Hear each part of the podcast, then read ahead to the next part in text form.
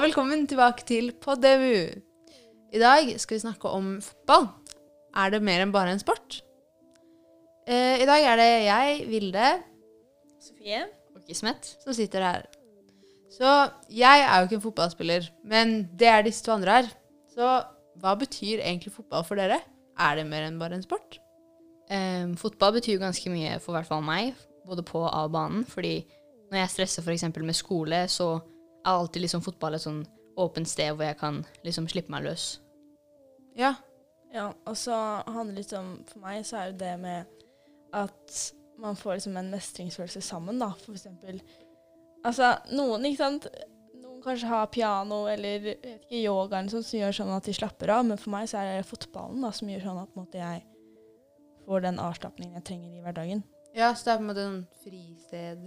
Ja, og så handler det om at jeg eh, også er jo med lagspillere, ikke sant. Så vi måtte hjelpe hverandre opp, da. Og hvis noen har gjort noe feil, så er det jo alltid noen andre som liksom backer den personen, da. Altså, Det er helt greit å gjøre feil, og liksom, det hjelper meg også sånn, utenom eh, fotballen å vite at jeg liksom har de jentene, da. Så vi er sånn veldig godt Sånn, eh, Det er sånn, et slags fellesskap, Ja. liksom. Ja. Og så er det det med å både sosialisere og kommunisere gjennom fotballen også. Liksom bli bedre kjent på banen og av banen. Ja, selv om man liksom på banen så kan man være liksom Altså, man er ikke alltid venner med folk på laget sitt på banen, ikke sant. Fordi man kan jo bli sånn irritert og surre på hverandre, men eh, det, det er liksom vite alltid når måte, kampen er ferdig, da, er at man alltid liksom har de som er der, da. Ja.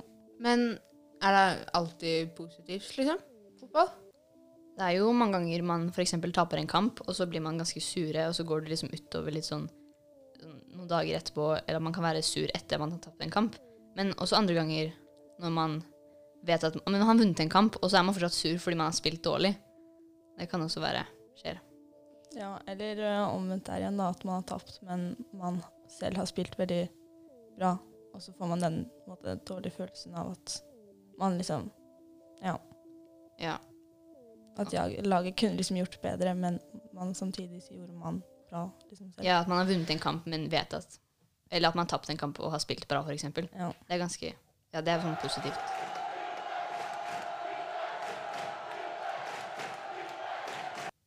Ehm, jeg tenker kanskje at uh, fotball for meg er tre ord. Kanskje fellesskap, fordi man er sammen med folk hele tiden. Um, og så kanskje motivasjon, fordi altså, jeg personlig ble veldig motivert av fotball. Um, og så kanskje muligheter også, fordi det er ganske mange muligheter i fotball. tenker jeg. Ja.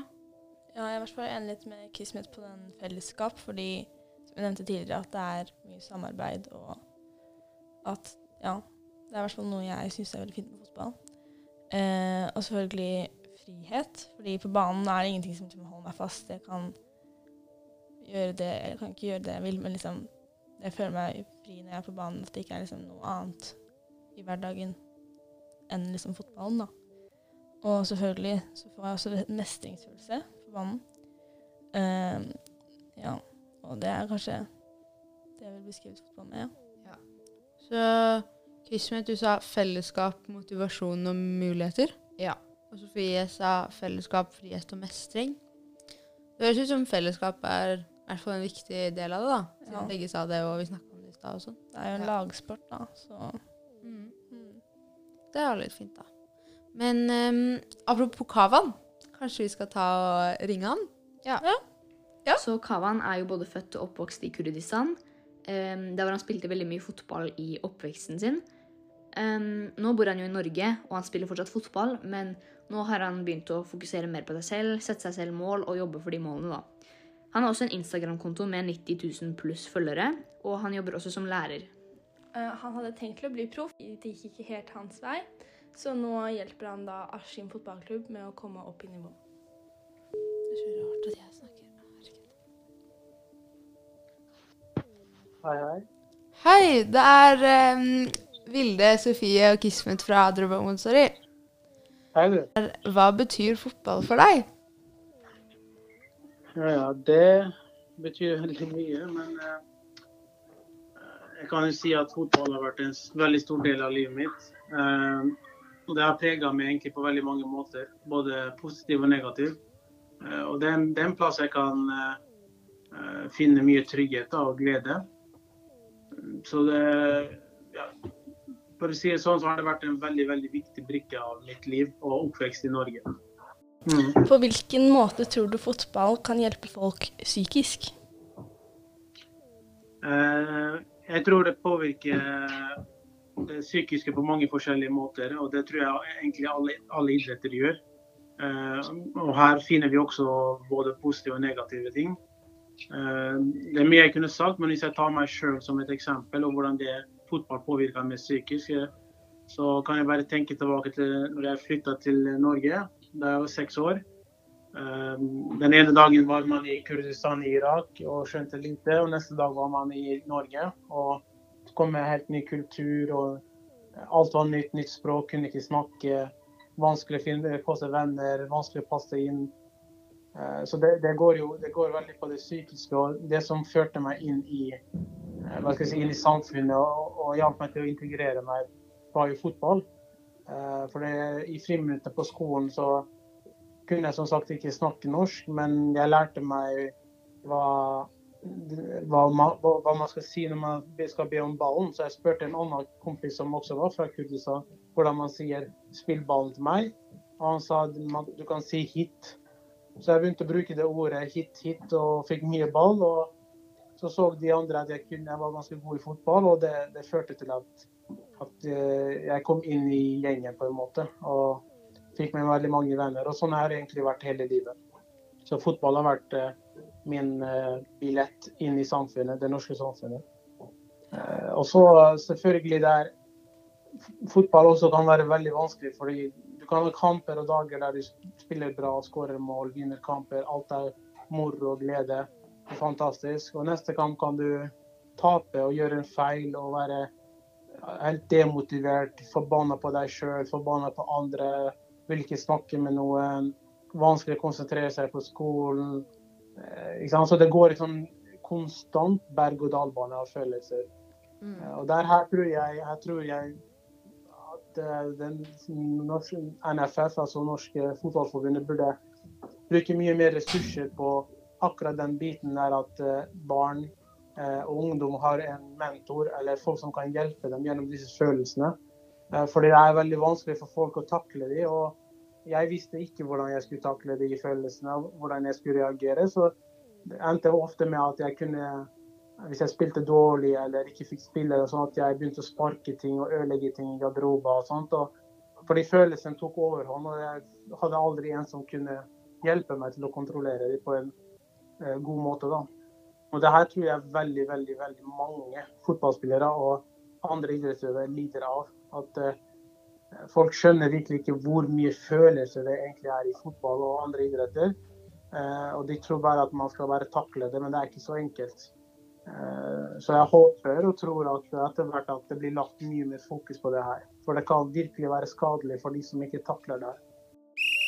Og så lurer vi på hvordan ville du beskrive fotball med tre ord?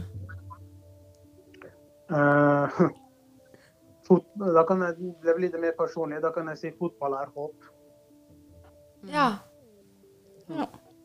Um, så hva gjør du når du ikke er på banen, sånn utenom fotball? Ja, jeg jobber jo som lærer på en skole, så jeg er både gymlærer og matematikklærer på barne- og ungdomsskole. Uh, og så er jeg jo fotballtrener. Jeg jobber også som personlig trener.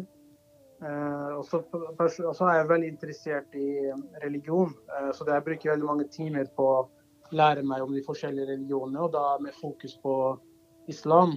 Uh, men det er jo utrolig mye misforståelse om islam, og spesielt i den tiden vi lever i nå. det har egentlig motivert meg til å tilegne meg mye mer kunnskap for å kunne formidle riktig budskap av religion Eh, så jeg har brukt veldig mange år på akkurat det der. Og det har ført til at eh, jeg iblant blir invitert på skoler og sånt for å snakke om uh, islam, holde foredrag og svare på spørsmål folk kan ha, eller elever og lærere kan ha. Så det liker jeg veldig godt å gjøre. I tillegg så går det en del tid på sosiale medier, men jeg prøver å dempe det mest mulig. Da det også er hel, sin egen greie. Det er hele verden, den sosiale medieverden, som man kunne snakka timevis om, om hvordan det påvirker folk eh, psykisk også. Eh, og så akkurat nå har jeg jo egentlig starta mitt eget klesmerke, som jeg bruker litt tid på. og Kommer nok til å bruke enda mer tid på i fremtiden. Så det er, det er, og så elsker jeg å trene styrke. da, så Trener rundt to-tre timer hver dag. så det, det går mye i trening og en del i eh, planlegging og sånt i sosiale medier og merker og sånt. Ja. Um, men hva motiverer deg mest? Um, det, er, det, kan være utrolig mye, og så kan det være dager man eller perioder man ikke blir motivert av noe som helst. og jeg merker at uh, gjennom året at hvis man ikke setter seg mål og som man kan jobbe mot, så kan man fort miste motivasjonen. Altså Hvis man bare tar ting på sparket, uh, så er det jo veldig vanskelig å motivere seg. Uh, så f.eks. jeg som liker å trene veldig mye styrke, da har jeg lagt meg mål om så sterk skal jeg bli, eller sånn skal jeg se ut, eller der. Så jeg har mål å jobbe imot, og det motiverer meg. Så alltid ha sånne langsiktige mål og så mange sånn kortsiktige mål som man kan jobbe mot. Ellers blir det vanskelig egentlig å holde oppe motivasjon. Men hvis det er noe du liker, så er det, er det ikke så vanskelig å motivere seg sjøl. Så jeg anbefaler egentlig alle å gjøre noe de liker, og ikke gjøre noe bare fordi noen andre sier at du bør gjøre det, eller at Eh, hvis jeg gjør det, så blir jeg populær, men jeg liker egentlig ikke å gjøre det. Altså, det varer ikke i lengden. Du, har kanskje hatt 10-11 forskjellige jobber, og jeg har hata én mer enn den andre. Eh, og da er det veldig vanskelig å motivere seg og legge seg tidlig, stå opp og komme seg på jobb. Eh, men nå har jeg endelig funnet meg jobb eh, som er det å være lærer, som jeg liker veldig godt. Og da er det veldig enkelt å motivere seg egentlig hver eneste dag og komme seg på jobb. Ja. Så ja, det er en kunne sagt mye mer, men eh, jeg tror det er greit. Ja, eh, men tusen takk for at du tok deg tid til å snakke med oss. Og bare hyggelig. bare hyggelig. Det var veldig hyggelig å snakke med deg. Takk for, takk for det. Det var veldig hyggelig å snakke med dere. Kavan ga jo skikkelig gode svar. Ja. Ja, de var veldig sånn utdypende. Ja. ja.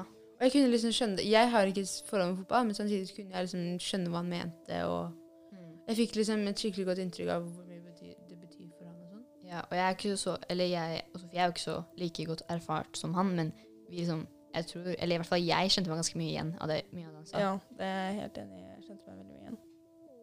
Jeg, jeg syns også dere svarte ganske bra på noen av de spørsmålene og sånn. Og fikk et uh, litt inntrykk av hva det betyr for dere òg, liksom. Mm. Ja.